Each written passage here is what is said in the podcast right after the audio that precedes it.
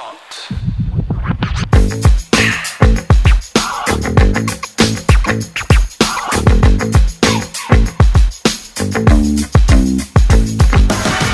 This is Walkie Talkie Podcast. Assalamualaikum warahmatullahi wabarakatuh. Shalom, Om Swastiastu, Namo Buddhaya, dan salam kebajikan. Halo semuanya, welcome to Seputar Dai. Salam kenal, aku Azizah yang akan membawakan podcast kali ini. Eh tunggu dulu, tapi aku gak sendirian loh. Ada rekan aku nih. Halo Vena. Halo Aziza, halo para pendengar podcast Doi di mana pun kalian berada. Semoga sehat selalu ya. Ngaja ya Zah, kita mau bahas apa sih hari ini? Seperti biasa di podcast seputar doi akan berisi review buku yang kali ini akan dipaparkan oleh Ibu Tiara Junior Suwati SEME. Udah penasaran kan? Penasaran banget dong, tapi sebelum itu kita sapa dulu kalian narasumber kita kali ini. Assalamualaikum Ibu Tiara. Waalaikumsalam, eh, Rafina, Aziza. Bagaimana kabarnya Bu? Alhamdulillah sehat sampai hari ini. Sebelumnya terima kasih Ibu Tiara yang telah bersedia meluangkan waktunya untuk review buku bersama kita. Eh, karena aku juga udah penasaran dan mungkin teman-teman pendengar juga udah penasaran nih untuk judul buku yang akan Ibu Tiara review apa ya Bu? Eh, judulnya Startup Trainer. Oh, kemudian alasan Ibu apa ya memilih buku ini untuk direview? Oke, so eh, Startup Trainer ini kan eh, dia ditulis gitu ya sama Bapak Henry E. Ramdan gitu dan itu kita harus mention di sini. Oke, nah kenapa sih sebenarnya saya pilih buku ini? Kalau yang pendengar dari podcast Doi ya, ini uh, itu kan Indonesia itu sebenarnya urutan keempat dari highest population country yang ada di dunia gitu. Setelah China, India maupun US. Di mana di Indonesia sendiri sebenarnya didominasi sama penduduk kelas menengah. Kalau penduduk kelas menengah dan memang kita popul highest population country juga, berarti kita punya daya belinya. Nah, berarti di sini sebenarnya ada memicu pemilik modal untuk melirik pasar potensial yang ada di Indonesia. Nah, karena di Indonesia ini sebenarnya pasarnya potensial, tapi ya mungkin kita pernah dengar, apalagi sejak pandemi ini kan banyak ya kasus yang di PHK, kemudian highest unemployment rate atau tingkat pengangguran yang tinggi gitu. Jadi uh, kenapa kita nggak bisa lagi mengandalkan kita bekerja di kantor, dapat gaji dan lain sebagainya gitu. Berarti saat ini juga memang sebaiknya ada kalanya kita itu perlu untuk membuka lapangan pekerjaan baru dengan memulai bisnis, which is itu adalah startup seperti itu. Jadi itu adalah alasan kenapa sih sebenarnya saya pengen bahas buku ini biar para pendengar mungkin bisa terinspirasi untuk memulai startup atau paling nggak tahu apa sih itu startup. Oh, jadi begitu. Baik. Untuk Bu Tiara dipersilakan menyampaikan review bukunya. Okay, thank you Aziza and thank you Vina. So, uh, terima kasih para pendengar podcast ya, podcast doi yang ada di sini. Sebenarnya tadi udah saya sampaikan sedikit kenapa saya pilih mau mereview buku startup. Saya nggak tahu ini nanti akan uh, sampai dengan waktunya apa enggak, atau mungkin malah lebih sedikit gitu ya daripada waktunya. Karena memang hanya review kan berarti kita cuma sedikit aja gitu. Cuman uh, paling nggak garis besar gitu ya dari yang ada di dalam buku ini, which is itu adalah startup trainer, itu adalah di dalamnya nanti ketika teman-teman baca gitu atau mungkin mendengarkan review dari buku ini, kita bisa tahu sebenarnya uh, ways to become entrepreneur startup itu seperti apa gitu? Atau konseptual dari startup itu apa sih? Kan sebenarnya kalau ngomongin startup teman-teman udah pasti tahu banget gitu ya. Sudah sering banget denger startup startup even both in business atau even both in drama Korea. Oke. Okay. nah sebenarnya uh, apa sih itu startup? Kita perlu tahu itu sendiri kayak gitu. Nah uh, di dalam buku ini ada beberapa hal yang dimention di dalam buku ini. Uh, kalau misalkan saya bagi jadi empat, kira-kira seperti ini. Ada konsep bisnis startup itu, itu sendiri. Jadi nanti mungkin di awal buku itu akan dijelasin beberapa istilah-istilah yang ada di, startup. Karena nanti ketika teman-teman mau mulai terjun untuk membangun bisnis baru atau startup, itu berarti ada beberapa konsep gitu. Dan itu nggak hanya sedikit sih ya, ada beberapa hal konsep yang mungkin nanti akan saya mention juga uh, beberapa saya mention yang biasanya paling sering digunakan gitu. Konsep-konsep dasar definisi dari terms atau terminologi yang memang dipakai gitu di dalam perbincangan seputar atau mungkin ketika biasanya kan kita bisa ketika kita memulai startup kita mungkin uh, bisa join community dan lain sebagainya. Nah, itu nanti biar di community itu kita udah tahu gitu apa sih istilah itu. Nah, itu sudah ada di dalam buku ini. Jadi all concepts that you need to know ketika mau memulai bisnis startup itu sendiri. Nah, kemudian selain konsep juga dibahas juga terkait dengan pengelolaan tim dan keuangan.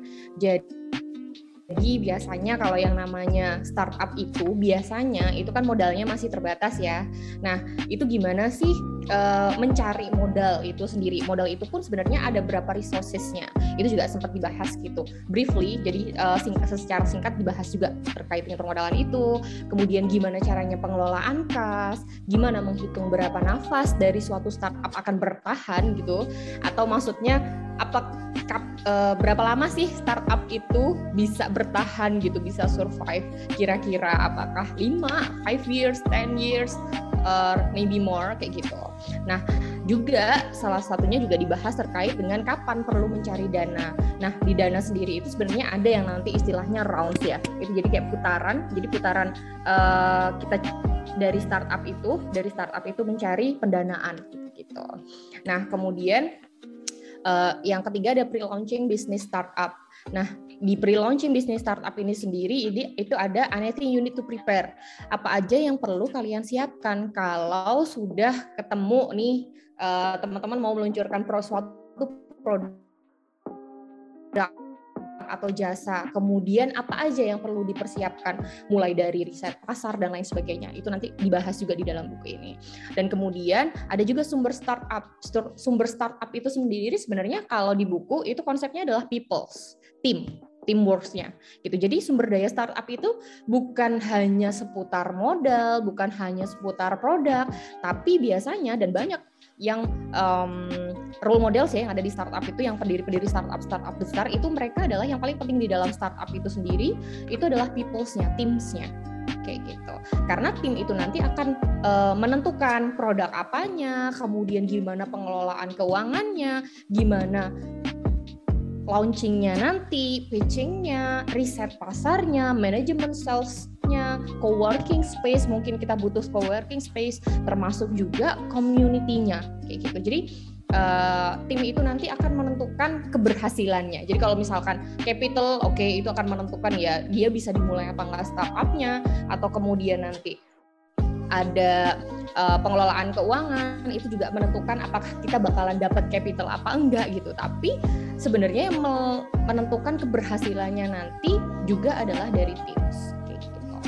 Nah, kemudian selanjutnya uh, selain konsep-konsep itu tadi ya, ini mungkin saya mau briefly sedikit gitu. Ini ada yang disebutkan konsep dari startup itu sendiri. Dan ini ditulis sama uh, Bapak Henry ya yang selaku penulisnya.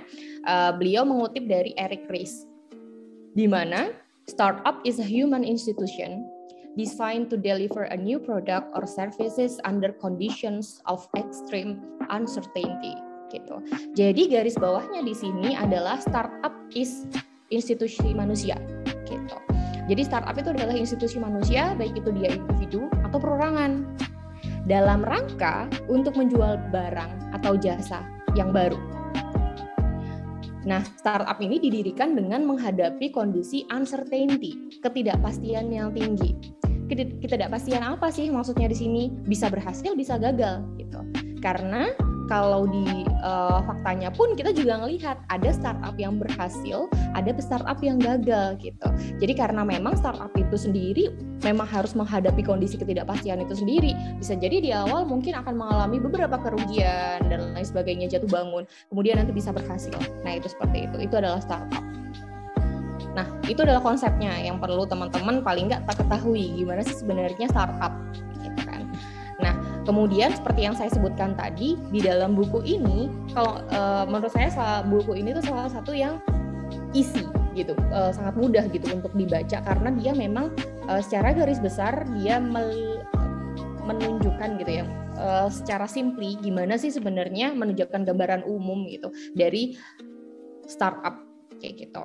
Nah, konsep-konsepnya pun juga dijelasin di buku ini karena beberapa hal di buku-buku lainnya tentang startup pun ada yang mungkin lebih uh, heavy ya, lebih berat yaitu teman-teman udah harus paham dulu gimana gimananya baru bakal paham gitu buku itu. Sedangkan buku ini tuh uh, sangat gampang banget gitu.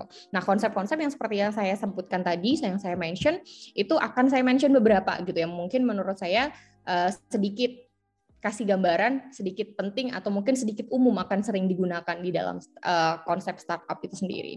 Yang pertama ada agile gitu. Agile itu adalah kemampuan adaptasi dan kolaborasi di mana startup itu harus punya kemampuan itu, kemampuan untuk mengadaptasi dan berkolaborasi juga gitu. Oke, kemudian ada yang namanya angel investor. Angel investor itu adalah individu yang menyediakan modal Nah, kemudian ada yang konsep B2B and B2C. Gitu. Itu paling sering ya.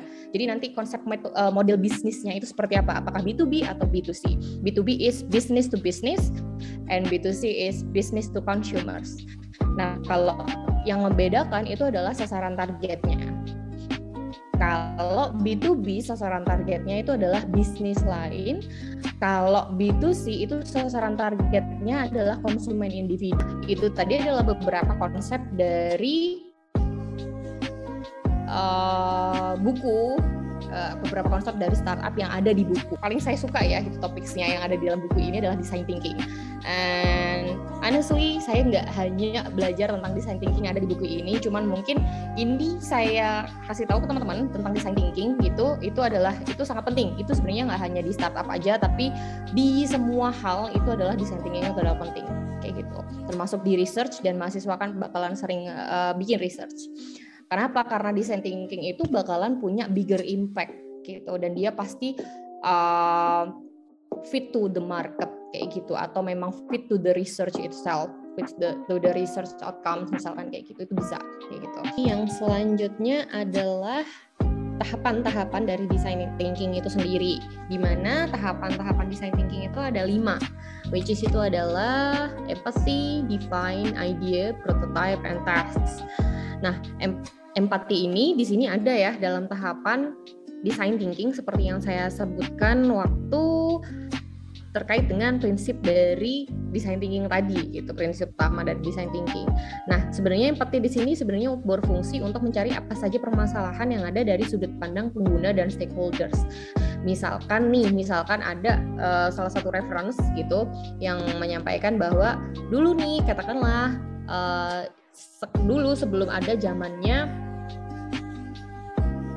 sikat gigi anak-anak, sikat gigi anak-anak yang uh, lucu-lucu, kemudian pegangnya agak gede gitu ya, yang ada di tengahnya itu, kemudian ada lekukannya juga. Nah, itu sebelum itu tuh sikat gigi anak-anak kayak lurus aja gitu.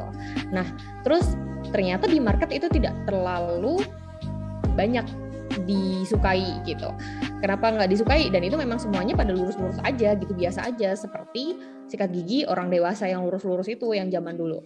Nah, ternyata kenapa anak-anak itu pada nggak mau pakai sikat gigi, mereka pada nggak mau sikat gigi kayak gitu ya, atau mereka menolak atau mereka merasa kesakitan gitu. Nah akhirnya ada sebuah uh, perusahaan yang bikin research market. Dan memang ternyata sejak itu pun sebenarnya mereka menggunakan design thinking gitu, di mana mereka berempati sebenarnya apa sih permasalahannya dari user, usernya ini kan sebenarnya bukan orang dewasa ya, di mana kalau dulu Oke, okay, itu adalah sikat gigi, ya udah disamain aja kayak sikat gigi orang dewasa, tapi dibuat dengan bentuk lebih kecil gitu. Dan ternyata itu nggak sama, usernya beda, eh, dewasa sama anak-anak gitu. Nah kalau anak-anak berarti kan mereka harus pendekatan dengan anak-anak nih. Sebenarnya apa sih yang membuat mereka anak si anak-anaknya itu pada nggak mau gitu pakai sikat gigi yang itu. Nah ternyata permasalahan yang ada adalah dengan sikat gigi yang seperti itu mereka kesulitan megangnya gitu. Karena tangan anak-anak kan kecil mereka nggak bisa grip mereka nggak bisa menggenggam itu gitu. Akhirnya mereka bisa kesulitan kadang kesakitan ketika mereka menggunakan itu setelah di empathy tadi kita menulis permasalahan-permasalahan yang mencari permasalahan-permasalahan itu baru kita masuk ke tahapan yang namanya define. Nah, di define ini tahapannya adalah kita menyimpulkan sebenarnya masalah utamanya ada apa, which is itu tadi seperti yang saya sebutkan adalah lebih ke genggamannya. Berarti selama ini karena dia sikat giginya lurus, akhirnya nggak bisa nih anak-anak pegang itu. Mereka sukar untuk memegang itu. Sehingga akhirnya mereka harus bikin ideas gitu ideas kira-kira gimana caranya supaya anak-anak lebih mudah untuk pegang sikat giginya dan mereka akhirnya mau bersikat gigi dan mereka suka dan mereka nggak kesakitan dan mereka senang gitu dengan sikat gigi. Nah itu adalah masuk ke tahapan selanjutnya gitu. Kalau yang tadi di define kita menentukan masalah utamanya seperti apa, garis bawahnya utamanya apa, baru kita di idea itu akan mengeksplorasi sebanyak-banyaknya semua kemungkinan-kemungkinan solusi yang ada kayak gitu. Nah, kemudian setelah uh, idenya itu dieksplorasi sebanyak mungkin gitu, kemudian baru disaring dan ditetapkan solusi yang terbaik. Nah, solusi yang terbaik itu adalah yang seefektif dan seefisien mungkin gitu. Uh, mahasiswa ekonomi biasanya pasti udah tahu gitu efektif dan efisien itu apa. Nah, selanjutnya ada di tahapan yang keempat which is itu adalah prototype. Nah, prototype ini adalah solusi yang terbaik tadi yang telah disimpulkan itu dibuat prototype-nya, dibuat contohnya gitu. Dibuat contoh dari hasil ideas itu tadi. Nah, baru nanti setelah dibuat prototipenya, dilakukanlah tahapan yang terakhir, which is itu adalah tes. Di uh, prototype tadi akan diuji coba, yang yang prototype yang telah dibuat tadi akan diuji coba, baru nanti akan menerima feedback. Nah, kemudian selain design thinking, ada juga beberapa strategi gitu dari startup yang ada di dalam buku. Misalkan strateginya itu ada contoh uh, strategi kepemimpinan biaya, ada strategi diferensiasi, kemudian uh, selain strategi itu juga di buku itu juga tercantum ada model bisnisnya yang memang yang paling sering dan yang sampai saat ini tren dan masih diikuti sampai sekarang itu adalah BMC namanya. Itu metode bisnisnya adalah bisnis model canvas. BMC itu dipopulerkan sama Osterwalder kayak gitu. Nah, di dalam BMC sendiri ada sembilan elemen gitu seperti segmen pelanggan, proposisi nilai, channel, hubungan pelanggan, sumber pendapatan, kemudian sumber daya kunci, aktivitas kunci, partner kunci dan struktur biaya. Dan itu semua ada di dalam model bisnis BMC. Dan itu adalah salah satu yang memang uh, sering digunakan gitu ya untuk startup ketika mereka mereka membuat model bisnis dari mereka itu. Nah, mungkin itu dari saya gimana review dari buku Startup Trainer untuk menjadi entrepreneur dari startup itu. Thank you. Mungkin ada salah kata perbuatan, uh, salah kata yang saya lakukan di dalam podcast ini. So sorry. Dan mungkin ada beberapa hal yang uh, tidak sesuai dengan buku. Saya juga mohon maaf sama penulisnya. Uh, dan terima kasih. Saya kembalikan ke Aziza dan Vina. Thank you. Nah, itu tadi teman-teman review buku yang berjudul Startup Trainer yang dipaparkan oleh Ibu Tiara dengan sangat luar biasa. Ibu Tiara tadi menjelaskan secara garis besar tentang konsep bisnis startup, istilah-istilah dalam uh, bisnis startup dan juga pengelolaan keuangannya, pre-launching bisnis startup dan juga sumber daya startup. Ibu Tiara tadi juga menjelaskan tahapan design thinking yaitu ada empathy, define, idea, prototype, test dan juga hasil. Baik, tanpa terasa nih kita udah berada di penghujung podcast.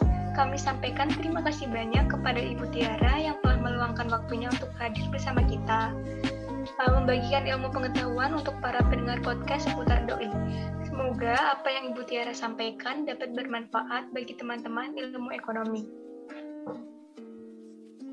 Gak lupa juga aku sampaikan terima kasih banyak buat teman-teman yang udah dengerin podcast ini dari awal hingga akhir.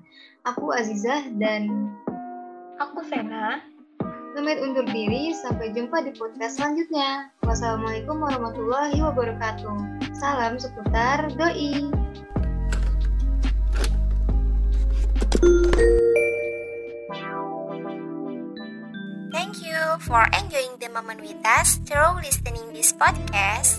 And also tap our other episode and share it to your mate. See you guys in another episode.